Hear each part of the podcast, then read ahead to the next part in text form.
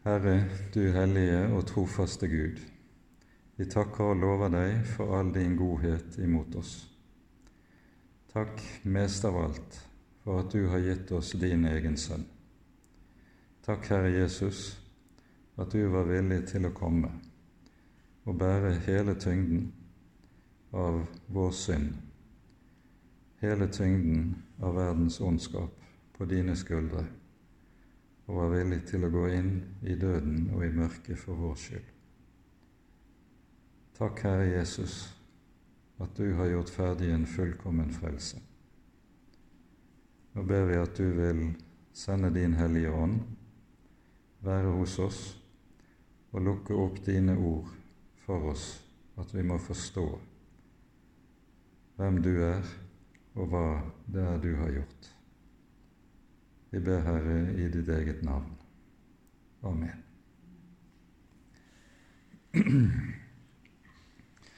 Sist gang gikk vi da igjennom de 14 første versene i det 9. kapittel i Hebreabrevet, og vi fortsetter da i kveld fra vers 15 av og leser i sammenheng fra vers 15 og ut kapittelet i Faderens, Sønnens og Den hellige ånds navn.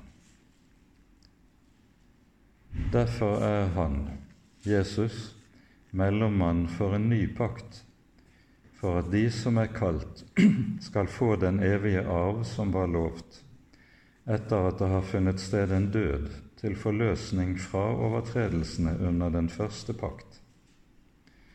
For når det gjelder et testamente, er det nødvendig at det blir godtgjort at den som har opprettet det, er død. For at testamentet blir først gyldig når han dør, siden det aldri trer i kraft så lenge den som opprettet det, er i live. Derfor ble heller ikke den første pakt innviet uten blod. For da Moses hadde kunngjort for hele folket alle budene som står i loven, tok han blodet av kalvene og bukkene sammen med vann, skarlagensrød ull og isopp, og stenket både på selve boken og på folket. Og han sa, Dette er paktens blod, den pakt som Gud har opprettet for dere. På samme måte stenket han også blod på teltet og på alle kar som ble brukt ved gudstjenesten. Etter loven blir nesten alt renset med blod, og uten at blod blir utgitt, blir synd ikke tilgitt. Det er altså nødvendig at avbildet av de himmelske ting blir renset ved slikt, men selve de himmelske ting må bli renset ved bedre offer enn disse. For Kristus gikk ikke inn i en helligdom som var gjort med hender, og bare er et bilde av den sanne helligdom. Han gikk selv inn i selve himmelen, for nå å åpenbares for Guds åsyn for vår skyld. Heller ikke gikk han inn der for å ofre seg selv flere ganger, slik ypperstepresten hvert år går inn i helligdommen med fremmed blod. I så fall måtte han ha lidd mange ganger fra verdens grunn, fra verden ble grunnlagt. Men nå er han blitt åpenbart en gang ved tidenes ende for å ta bort synden ved sitt offer. Og like som det er menneskenes lodd en gang å dø og deretter dom, så skal òg Kristus, etter å være ofret én gang for å ta bort mange synder, annen gang vise seg ikke for syndens skyld, men til frelse for dem som venter på ham. Amen. I eh, forrige bibeltime så er det slik at avsnittet fra vers 11 til vers 14 tegner for oss hva det er Jesus utfører i sin gjerning som vår øverste prest. Det som ligger bak, det er forbildet fra den store forsoningsdagen i Det gamle testamentet, den som vi får beskrevet i Tredje Mosebok i det 16. kapittel. Den store forsoningsdagen den ble feiret én gang i året, den tiende dagen i den syvende måned, Yom Kippur, som det heter på Bibelens språk. Og her er det slik at på denne dagen, etter at ypperstepresten hadde ofret syndoffer, sonoffer, for seg selv, så ofrer han syndoffer eller sonoffer for hele folket. Og Dette er et forbilde på det offeret som en dag skulle frembæres en gang for alle. Og Her er det viktig å være klar over at i eh, disse kapitlene i Hebreabrevet så dukker det opp et eget ord i grunnteksten som nettopp betyr 'én gang for alle', og som anvendes en rekke ganger i løpet av disse kapitlene. Yppersteprestens offer måtte gjentas årlig, like som de andre ofrene jo ble, var noe som ble frembåret tidlig og sent, daglig. Og det sies i det tiende kapittelet i det tredje verset ved ofrene kommer det hvert år en påminnelse om synder. Hele poenget i det som beskrives her i kapittel 9 og i kapittel 10, kan samles i ett bestemt bibelsk begrep, og det er ordet soning. Merkelig nok så møter vi begrepet soning bare én gang i Hebreabrevet. Det er i slutten av kapittel 2, der det sies om Jesus at i vers 17 står det slik han måtte i alle ting bli sine brødre lik, for at han kunne bli en miskunnelig og trofast yppersteprest for Gud til å gjøre soning for folkets synder. Soning er et ord som ikke må forveksles med forsoning. Disse to ordene har ulik betydning. Forsoning er frukten av at det er skjedd soning. Forsoning betyr at to parter som lever i ufred med hverandre, kommer overens, og det stiftes fred imellom dem. De er forsonet. Men for at det skal bli forsoning i forholdet mellom Gud og mennesker, så er soning den nødvendige forutsetningen. Og soningen det er den som beskrives i eh, disse kapittel 9 og 10, og som skjer og settes i sammenheng med forbildet i Det gamle testamentets offertjeneste. Hele ideen med offertjenesten i Det gamle testamentet er nettopp soning.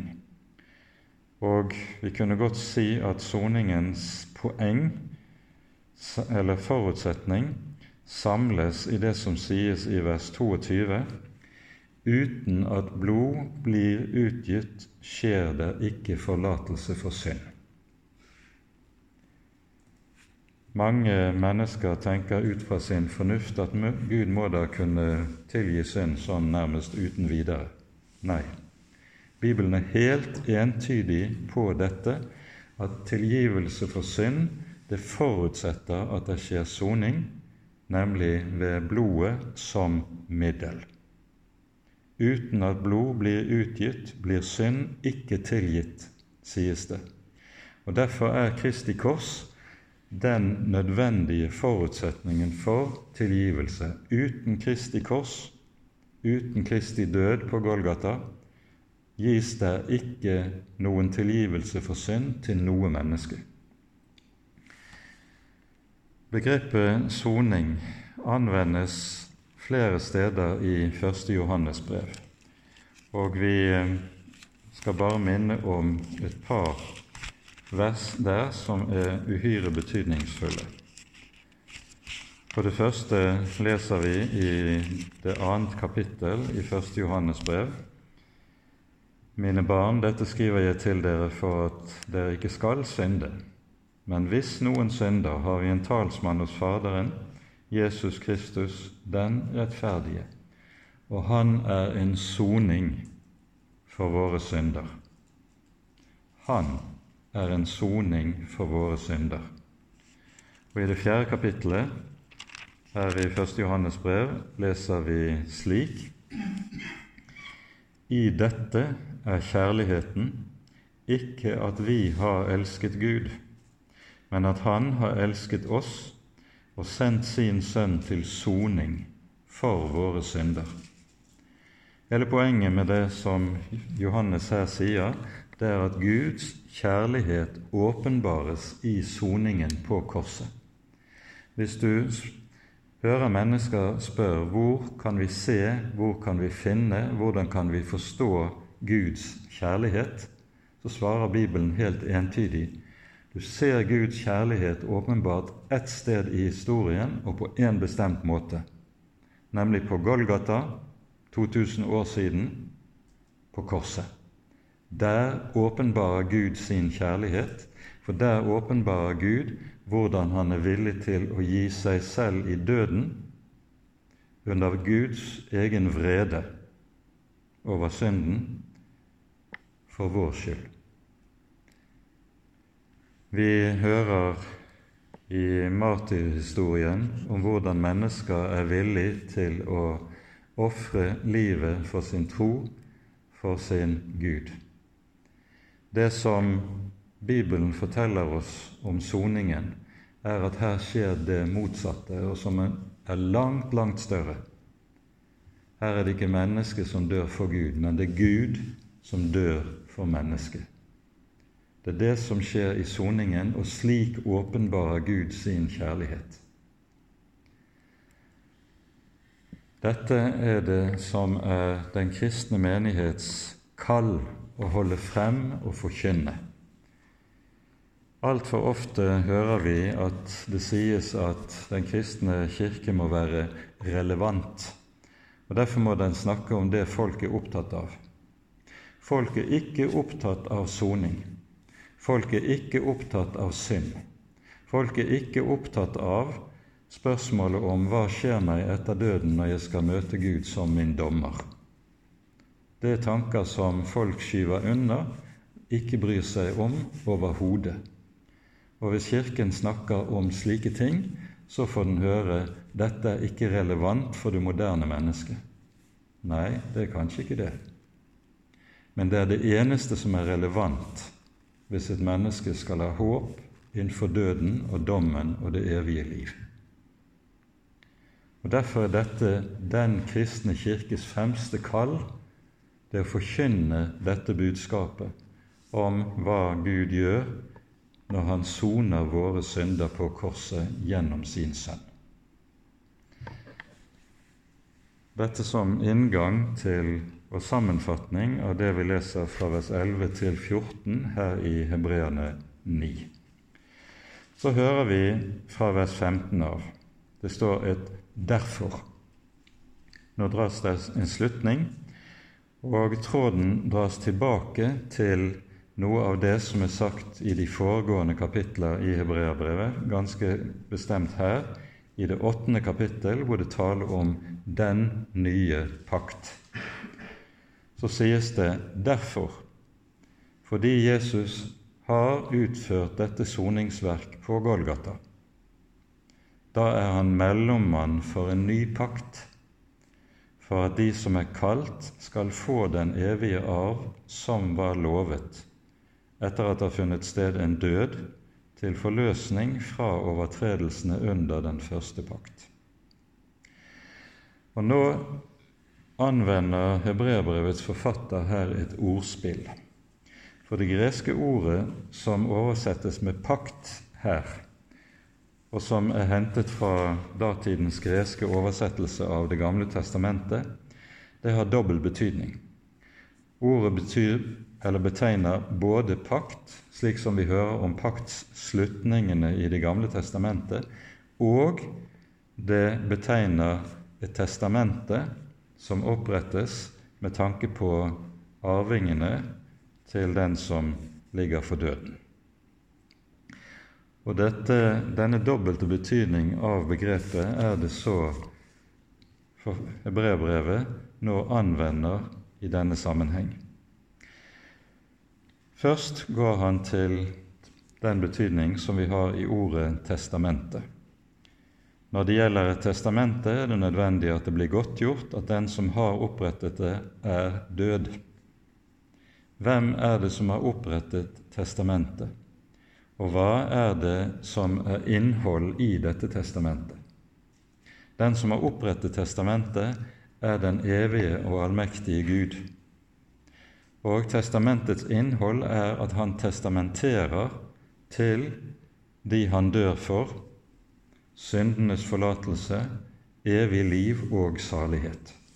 Det er testamentets innhold.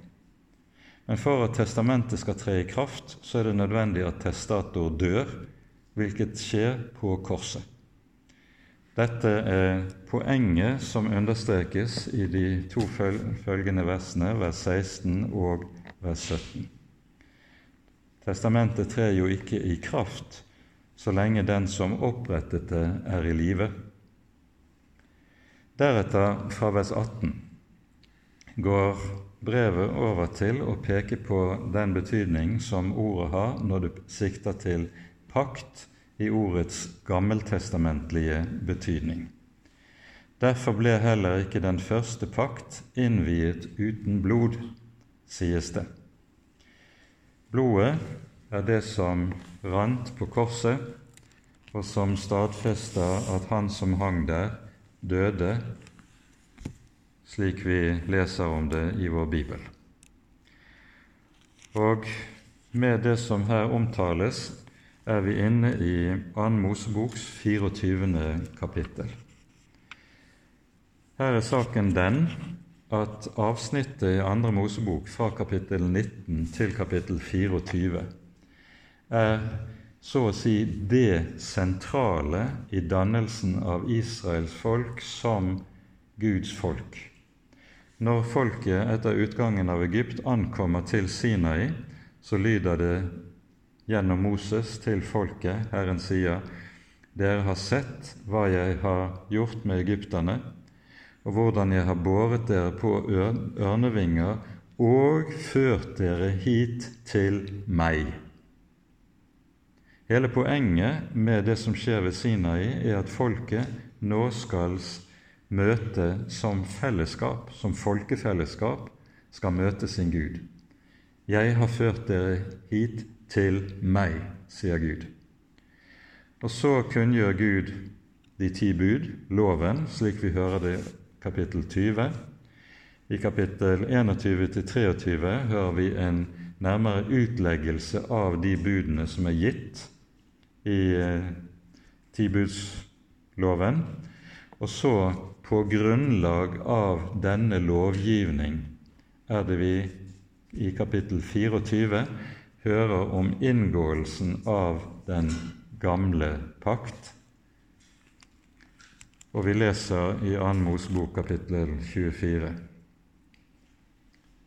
Til Moses sa Herren, stig opp til Herren du og Aron, Nadav og Abihu og 70 av Israels eldste, og dere skal tilbe på avstand. Bare Moses skal komme nær til Herren, de andre skal ikke gå nær til, og folket skal ikke stige opp. Så kom Moses og forkynte folket alle Herrens ord og alle lovene. Og hele folket svarte med én røst, alle de ord Herren har talt, vil vi holde oss etter. Så skrev Moses opp alle Herrens ord. Han sto tidlig opp om morgenen og bygget et alter nedenfor fjellet og reiste tolv støtter for de tolv Israels stammer. Siden sendte han noen unge menn av Israel dit. De bar frem brennoffer og ofret slaktoffer av okser til fredsoffer for Herren. Og Moses tok halvdelen av blodet, helte det ut i skåler og halvdelen av blodet stenket han på alteret. Så tok han paktens bok og leste den opp for folket. Og Paktens bok inneholder altså den lovgivning som er gitt fra kapittel 20 til, til og med 23. Denne leser han opp for folket, og folket svarer, Alt det Herren har sagt, vil vi gjøre og lyde. Da tok Moses blodet, stenket det på folket, og han sa, Se, dette er paktens blod, den pakt som Herren oppreiser med dere på alle disse ord. Legg merke til det. Dette er paktens blod, sies det som Herren oppretter med dere på, altså på grunnlag av, alle disse ord. Den gamle pakt er en lovpakt som er tuftet på Guds bud som er gitt ved Sinai. Og pakten trer altså i kraft ved offerblodet som her bestenkes. Alteret bestenkes, paktsboken bestenkes, og folket bestenkes med offerets blod. Og Poenget er da at pakten trer i kraft ved denne bestenkning av blod.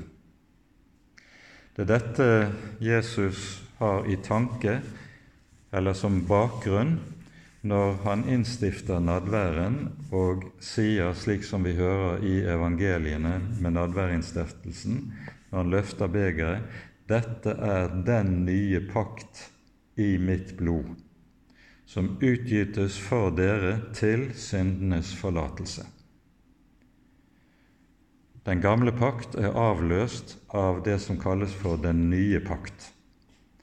Og Den nye pakt er lovet hos profeten Jeremia i det 31. kapittel, og det er dette kapittelet som siteres utførlig her i Hebreabrevets åttende kapittel, og som Hebreabrevet altså vender tilbake til nå.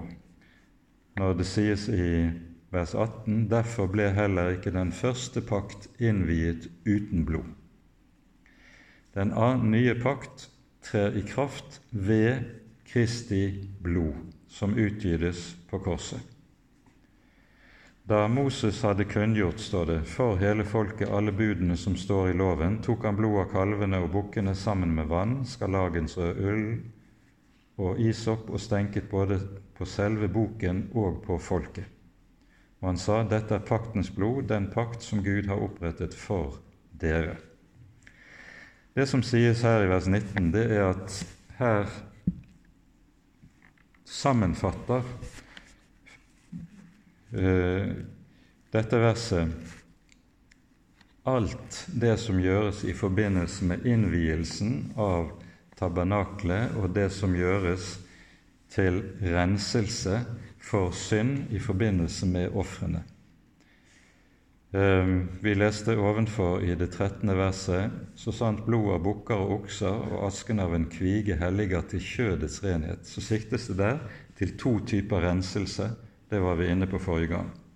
Blodet av okser og bukker, det er det som renser fra synd, altså fra moralsk synd. Asken av kvigen, lovgivningen for det, finner vi i 4. Mosebok 19 renser fra det som kalles for kultisk urenhet. Når et menneske seg eller, pådrar seg en eller annen form for urenhet som beskrives i Mosebøkene, da har det ikke adgang til tempelet. Det er ikke lov til å tre frem for Guds ansikt. Og Det kalles gjerne for kultisk urenhet. Den slags urenhet renses en fra ved asken fra kvigen. I tillegg forteller teksten i annen Mosebok at når tabernaklet er reist og skal innvies, og ofrene til innvielse bæres frem, så bestenkes alle de ulike gjenstander i tabernaklet pluss tabernaklet selv bestenkes med offerdyrets blod. Og slik innvies alt og helliges alt. Og Det er dette da som omtales her i vers 19 i en sammenfattende sum, slik at det ikke bare er tale om paktsblodet her, men det er tale om den virkning blodet har til renselse for absolutt alt som hører gudslivet til. Og så hører vi det siteres fra 2. Mosebok 24, der Moses sier dette er paktens blod. Den pakt Gud har opprettet med dere på alle disse ord, på lovens ord. Forskjellen mellom den gamle pakt og den nye pakt er at den gamle pakt den er tuftet på lovgivningen ved Sinai. Den nye pakt er tuftet på syndenes forlatelse. Og Det er nettopp det som er løftet som gis gjennom profeten Jeremia, i ordene som siteres i kapittel 8. Det er syndenes forlatelse som er grunnlaget for den nye pakt. Og Nettopp dette pakts innhold og pakts grunnlag er det vi feirer og minnes når vi samles om Herrens bord og samles til nadværbordet. Det er en veldig stor bibelsk sammenheng i dette som er viktig å være klar over. På samme måte sies det videre stenket han også blod på teltet og alle kar som ble brukt ved gudstjenesten, som vi har nevnt.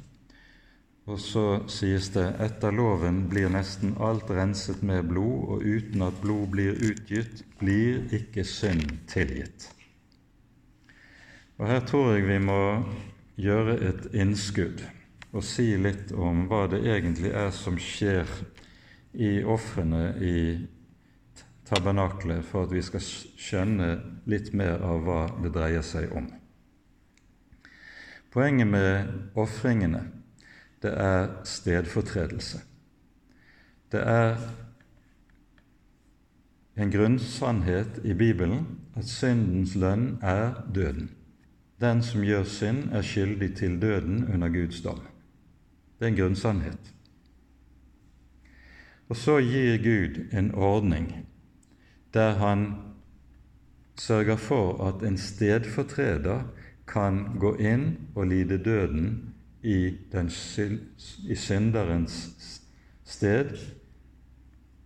Og på det stedfortrederen er da offerdyret, offerlammet, som slaktes.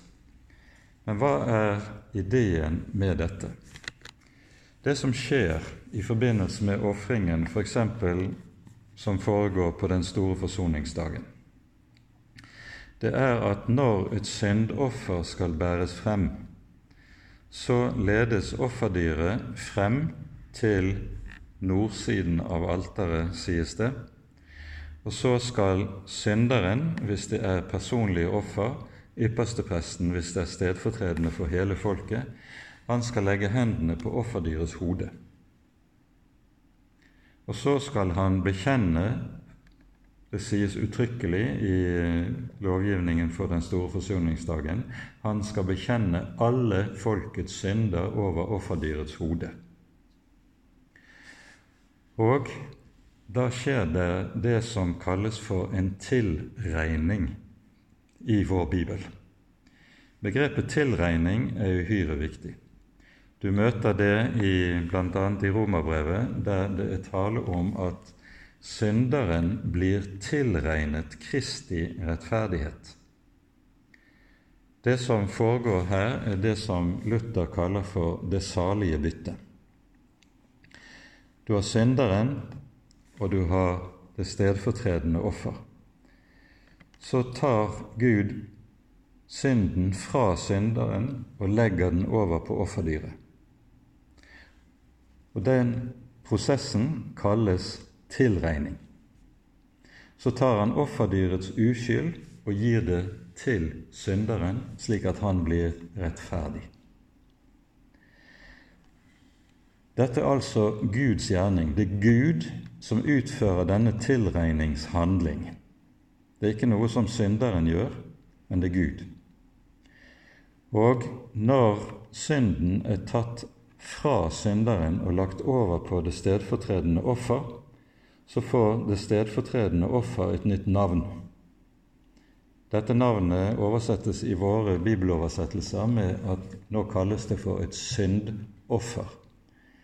Men grunntekstens begrep for syndoffer det er rett og slett synd. offerdyret gjøres til synd gjennom denne tilregning. Og så slaktes det og dør det. Og Det er dette som er bakgrunnen for dette kjente bibelverset, grunnleggende bibelverset i 2. Korinterbrev kapittel 5, der det sies om Jesus Han som ikke visste av synd, har Gud gjort til synd. Nøyaktig det som skjer med syndofferet i offertjenesten. Han som ikke visste om synd, har Gud gjort til synd. Han er så å si som en eneste stor klump av bestående av synd. Og da må han dø. Og så sies det hva som er Guds hensikt med dette, for at vi i ham skal bli rettferdige for Gud. For at vi i ham skal bli Guds rettferdighet, sies det bokstavelig i grunnteksten. Fordi den rettferdighet som du og jeg får tilregnet, det er den fullkomne rettferdighet og hellighet som Gud selv eier. Det er altså det skjer et ombytte. Synderen får seg fratatt synden som legges på det stedfortredende offer, og det stedfortredende offers uskyld legges over på synderen så han blir rettferdig. Det er dette som heter rettferdiggjørelse i romerbrevet og som er hovedtema i det tredje og fjerde kapittelet i Romerbrevet. Les dette når dere får anledning til det. Når dette er skjedd, synden er bekjent over offerdyrets hode, og da sier forskriftene, slik vi leser det i de rabbinske eh, detaljbestemmelsene om dette Han skal legge begge hendene på offerdyrets hode med hele sin tyngde. Det er ikke sånn at han bare sånn lett skal berøre hodet, men han skal legge hele sin tyngde for å markere hva det er som legges over på offerdyret når det tilregnes synd. Og da må offerdyret dø. Det som da skjer, det slaktes, blodet samles opp i skål av gull, og på den store forsoningsdagen så bæres altså offerdyrets blod inn i det aller helligste. Andre offers, andre typer syndoffer utenom den store forsoningsdagen, de bæres kun inn i det hellige. Og Da tar ypperstepresten av blodet, dypper fingeren i blodet, som han har i en skål av gull, og så stryker han blodet på alterets horn, sies det alter, det røkofferalteret som sto foran forhenget til det aller helligste i helligdommen. Det var kvadratisk, en alen i lengde og bredde. Og så i hvert hjørne var det et horn. Det var en spiss opphøyning, og denne spisse opphøyningen kaltes altså for horn. Og hornet det symboliserer i gammel, gammeltestamentlig tankegang kraft og styrke. Når blodet derfor skulle strykes på alterets horn, så markerer det, eller symboliserer det, at nå trer offeret i kraft. Nå er soningen virke kraftig, og synderen er dermed fri. Dette er bakgrunnen for hele tankegangen rundt det at Jesus kalles for Guds lam. Han er den over hvem all verdens synd er blitt bekjent. Han er den som har fått pålagt all verdens synd for å bære den med seg inn i døden. Begrepet lam om Kristi person anvendes et par ganger i Det nye testamentet vi hører det om det i Johannesevangeliets første kapittel, og så leser vi i første Peters brev um, om hvorledes det sies fra vers 18 i kapittel 1 i første Peters brev. Dere vet at det ikke var med forgjengelige ting, sølv eller gull, dere ble kjøpt fri fra den dårlige ferd som var arvet fra fedrene men med Kristi dyrebare blod, som blodet av et feilfritt og lyteløst lam. Med Kristi dyre blod. Uten at blod blir utgitt, skjer det ikke forlatelse, hører vi. Dette er uhyre betydningsfullt å ha klart for seg. Den boken i Det nye testamentet som aller sterkest maler for oss Jesus som lammet, det er Johannes' åpenbaring.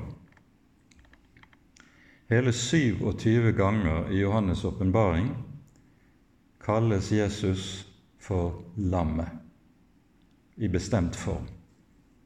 Tre ganger tre ganger tre ganger. Og så er det viktige i dette, det som sies og læres oss i eh, det femte kapittelet i åpenbaringsboken. Det er sånn at det fjerde og femte kapittelet i Johannes' åpenbaring det tar Johannes inn i den himmelske gudstjenesten. Han får være vitne til gudstjenesten, være vitne til liturgien i den himmelske gudstjenesten. Og så får han i dette se at Han som sitter på tronen, den allmektige, har en bokrull i sin hånd, som er skrevet både innvendig og utvendig og beseglet med syv seil.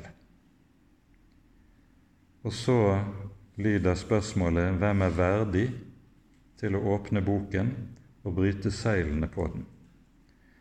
Det var ingen, verken i himmelen eller på jorden eller under jorden, som kunne åpne boken eller se i den. Da gråt jeg sårt, fordi ingen var funnet verdig til å åpne boken eller se i den. Hvorfor gråter han? Denne boken, det er fremtidens bok, som taler om hvorledes Gud skal fullføre sitt frelseshistoriske plan og føre frem til målet med hele frelsen, nemlig en ny himmel og en ny jord, der rettferdighet bor. Det er det som er fremtidens bok.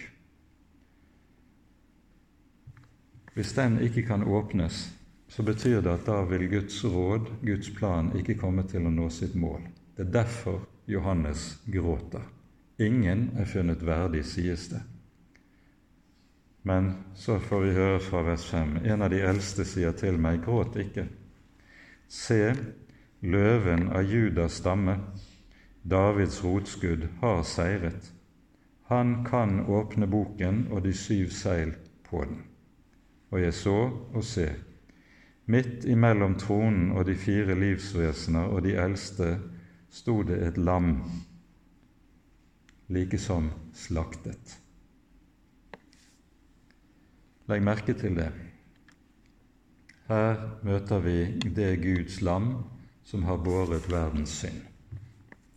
Og det sies at det står midt imellom tronen og de 24 livsvesen, de fire livsvesener og de 24 eldste. Det betyr lammet er sentrum i himmelen.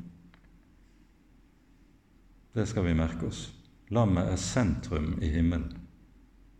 Og det som er sentrum i himmelen, burde også være sentrum hos oss. For vi ber jo 'skje din vilje som i himmelen, så òg på jorden'. Men det vi særlig altså skal merke oss, at det sies ikke bare at det sto et lam der, men det sto et lam like som slaktet. For dette er Bibelens budskap om Kristi person. I all evighet kommer Han til å bære merkene etter vår synd. Bibelens budskap om saligheten det handler om at eh, når den nye himmel og den nye jord kommer, og vi i saligheten oppstår med nye, rensede og fornyede legemer,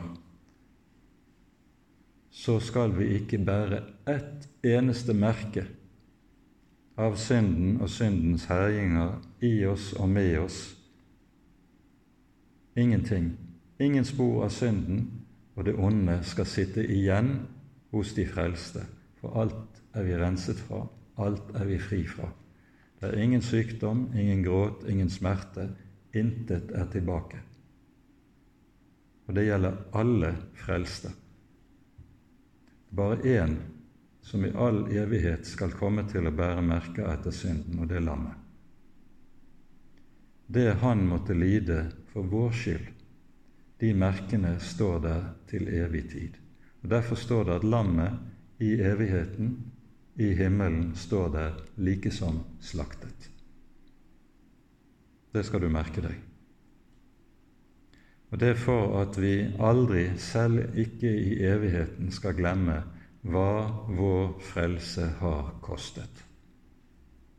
Det har kostet Guds sønn hans liv og hans blod under Guds dom og under Guds vrede. Det er dette som ligger bak i Bibelens tale om Jesus som lammet.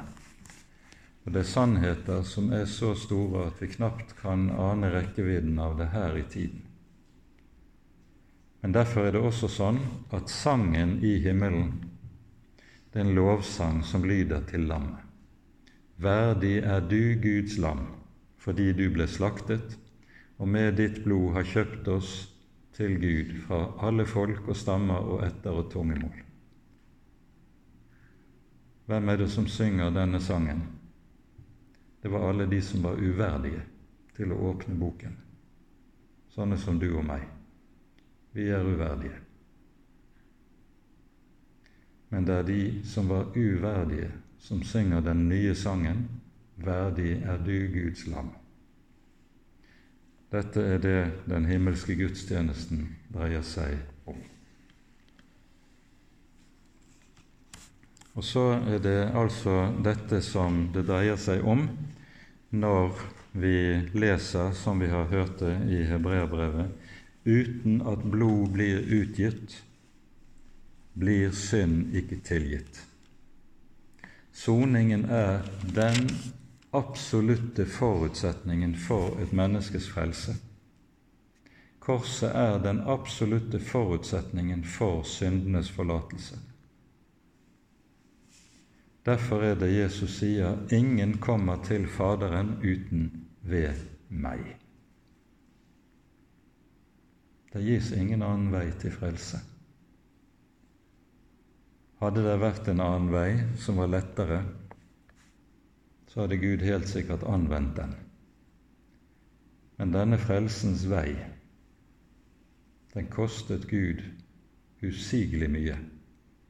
Og det er det disse omkostningene som Gud har båret, som er innholdet i vår lovsang. Gud har båret alle omkostninger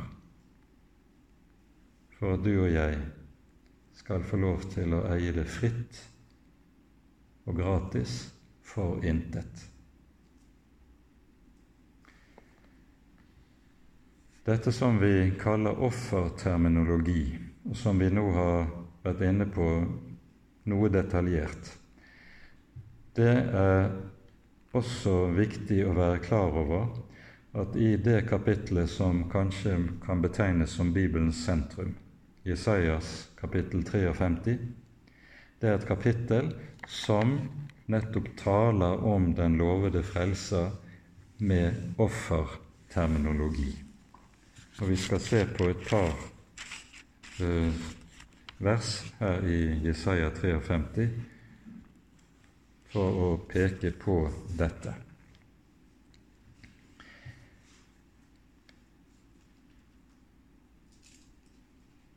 Det sies i vers 10 i Jesaja 53 det behaget Herren å knuse ham. Han slo ham med sykdom. Når du gjør hans sjel til et skyldoffer, skulle han se etterkommere og leve. Her brukes betegnelsen skyldoffer, som er parallellbegrepet til syndoffer i Mosebøkene. Så sies det i 12.: Derfor vil jeg gi ham de mange til del, sterke skal han få til bytte. Fordi han uttømte sin sjel til døden og ble regnet blant overtredere, han som bar manges synd. Dette uttrykket 'å bære synd' det er også et stående uttrykk i offerlovgivningen. Du kan se det i Om du kan en smule hebraisk, så kan du se det i lovgivningen om syndofferet i Tredje Mosebok, fjerde kapittel. Etter at lammet er blitt tilregnet synderens synd, så står det at da bærer lammet synd. Han bar manges synd, sies det. Det er ren offerterminologi hentet fra Mosebøkene, som anvendes altså når det taler om Frelseren i Jesaja 53. Han er såret for våre overtredelser, knust for våre misgjerninger. Straffen lå på ham for at vi skulle ha fred. Så hører vi i fortsettelsen i Hebreane 9 det er altså nødvendig at avbildet av de himmelske ting renses ved slikt, men selve de himmelske ting renses ved et bedre offer enn disse. Og så repeteres det som er sagt tidligere, at yppersteprestens gang inn i det aller helligste på den store forsoningsdagen, det er et forbilde på Jesus som går med sitt eget blod inn i himmelen, står det, og så sies det i vers 24 han gikk inn i selve himmelen for nå å åpenbares for Guds åsyn for vår skyld, for å vise seg for Guds åsyn. Lammet står i himmelen like som slaktet.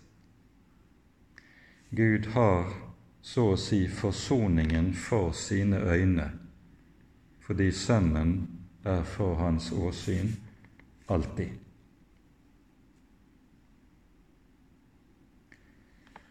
Og så understrekes de neste versene, vers 25 til 26, om hvorledes, i motsetning til det som skjer på den store forsoningsdagen, noe som måtte gjentas årlig, dette er noe som skjer én gang for alle. Og Dette poenget understrekes meget sterkt i neste kapittel, i kapittel 10. Vi kommer tilbake til det neste gang. Og like som det er menneskets lodd en gang å dø, og deretter dom, avslutter kapittelet, så skal også Kristus, etter å være ofret én gang for å ta bort mange synder, annen gang vise seg, ikke for syndens skyld, men til frelse for dem som venter ham. Og Her står vi igjen overfor en annen grunnsannhet i Den hellige Skrift. Man bruker av og til å høre det sies at det er en, ting, en eneste ting som er sikker i livet, og det er at vi skal dø. Det er menneskets lodd en gang å dø, og deretter dom. Og Her er Bibelen helt entydig. Hvert menneske skal etter døden møte sin skaper og svare regnskap for sitt liv. Og dette regnskapet avgjøres ut fra og på grunnlag av den soning som Jesus har gjort. Og Her må vi hente inn en parentes fra Johannesevangeliet, tredje kapittel. I det tredje og det femte kapittelet i Johannes-evangeliet taler Jesus nemlig om dommen. Og i, etter å ha gitt oss ordene fra den lille Bibelen i Johannes 3, 16, så lyder det sånn i de to neste versene. Gud sendte ikke sin sønn til verden for å dømme verden, men for at verden skulle bli frelst ved ham. Den som tror på ham, blir ikke dømt. Den som ikke tror, er allerede dømt, fordi han ikke har trodd på Guds enbårne sønns navn. Poenget er på korset bærer og soner Jesus all verdens synd. Og Dette kors er selve åpenbaringen av Guds kjærlighet. Det mennesket som avviser Jesus, forkaster Jesus og forkaster evangeliet om Jesus. Han avviser altså og forkaster selve Guds kjærlighet. Og Da har han bare én ting han står igjen med, og det er Guds frede. Derfor er det det sies, sånn som vi leste det, den som ikke tror, er allerede dømt. Den som tror på Jesus, han skal frem for Guds domstol en dag, og Gud vil si, Min sønn gjelder i ditt sted. Kom inn til din Herres glede. Jesu kors, Jesu død, er nok til både å leve på og til å dø på. Du kan ikke dø på et annet grunnlag enn det du har levet på. Og du kan ikke leve på et annet grunnlag enn det du skal dø på. Du dør på grunnlag av hva Jesus har gjort i ditt sted når han hang på korset. Det mennesket som forkaster dette, han får ikke høre fra Herrens munn 'Kom inn til din Herres glede', men han må svare regnskap for hvert eneste feilgrep, hver eneste synd, alt det han har gjort i hele sitt liv. Han skal dømmes etter loven. Og det blir en fryktelig dag for et menneske. Og det er dette som er en grunnsannhet i Bibelen. Intet menneske kan unnfly den dagen, like lite som vi kan unnfly døden. Og så har Gud gitt oss sin egen sønn, med tanke på at den dagen vi skal møte vår Skaper, så kan vi møte ham med håp, med frimodighet, fordi vi vet om jeg enn er en synder, så eier jeg ham som har båret alle mine synder, og jeg er ren for hans skyld. Frimodighet på dommens dag det er noe av det som er troens mål. Og Det er det som også gir troen bærekraft, selv i møte med døden. En kristen behøver ikke å frykte verken døden eller dommen. For eier du Jesus, så eier du det som bærer igjennom alt dette. Og Derfor sies det så skal Kristus etter å være ofret én gang for å ta bort mange synder, annen gang vise seg ikke for syndens skyld, nemlig ikke for å sone noen synd, det er nemlig gjort, men til frelse for dem som venter på ham. Og Her møter vi en beskrivelse av troen som er viktig i Bibelen. Troen innebærer også det å vente på Jesus det å leve i håpet. Troen og håpet hører uløselig sammen. Og Det er derfor Jesus, når han taler om de siste tider og om de siste ting, og om fryktelige ting som skal skje rent historisk i verden, og sies det i Lukas 21 menneskene skal få gå i redsel og angst over alt det som kommer over jorderiket. Så føyer Jesus til. Men når alt dette skjer, da løft deres hode, for deres forløsning stunder til. Å ha Jesus, det er å ha Gud og ha håp i verden. Å ikke ha Jesus, det er å leve uten Gud og uten håp i verden. Dette er det store enten-eller som vi står overfor. Og Så skjønner vi hvorfor korset og det Gud ga når han ga sin sønn, er så usigelig verdifullt at det aldri må gå oss av minne, og aldri må bli noe Den kristne kirke slutter å tale om. Dessverre er det slik at altfor ofte får du i våre dager høre en tale om et eller annet med at forkynnelsen skal være relevant. Er den relevant, så tales det ikke om Jesus, om korset, men om politiske spørsmål som folk er opptatt av. Den kristne kirke har aldri vært og skal aldri være politisk korrekt. Den kristne kirke er satt til å bære frem et budskap som ingen andre kan bære frem.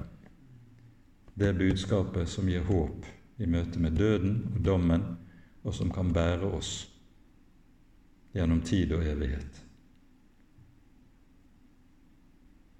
Med det setter vi punktum for dagens bibeltime.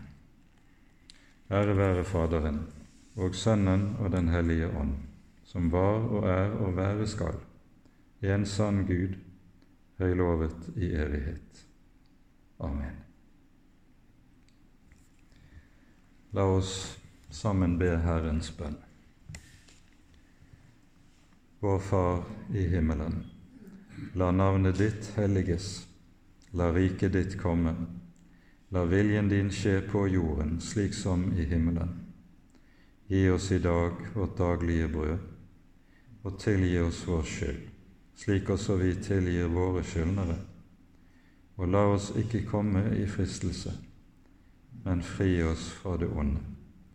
For riket er ditt, og makten og æren i evighet. Amen. Ta imot Herrens velsignelse.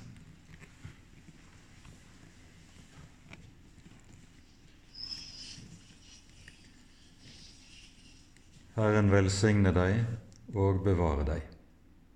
Herren la sitt ansikt lyse over deg og være deg nådig. Herren løfte sitt åsyn på deg og gi deg fred.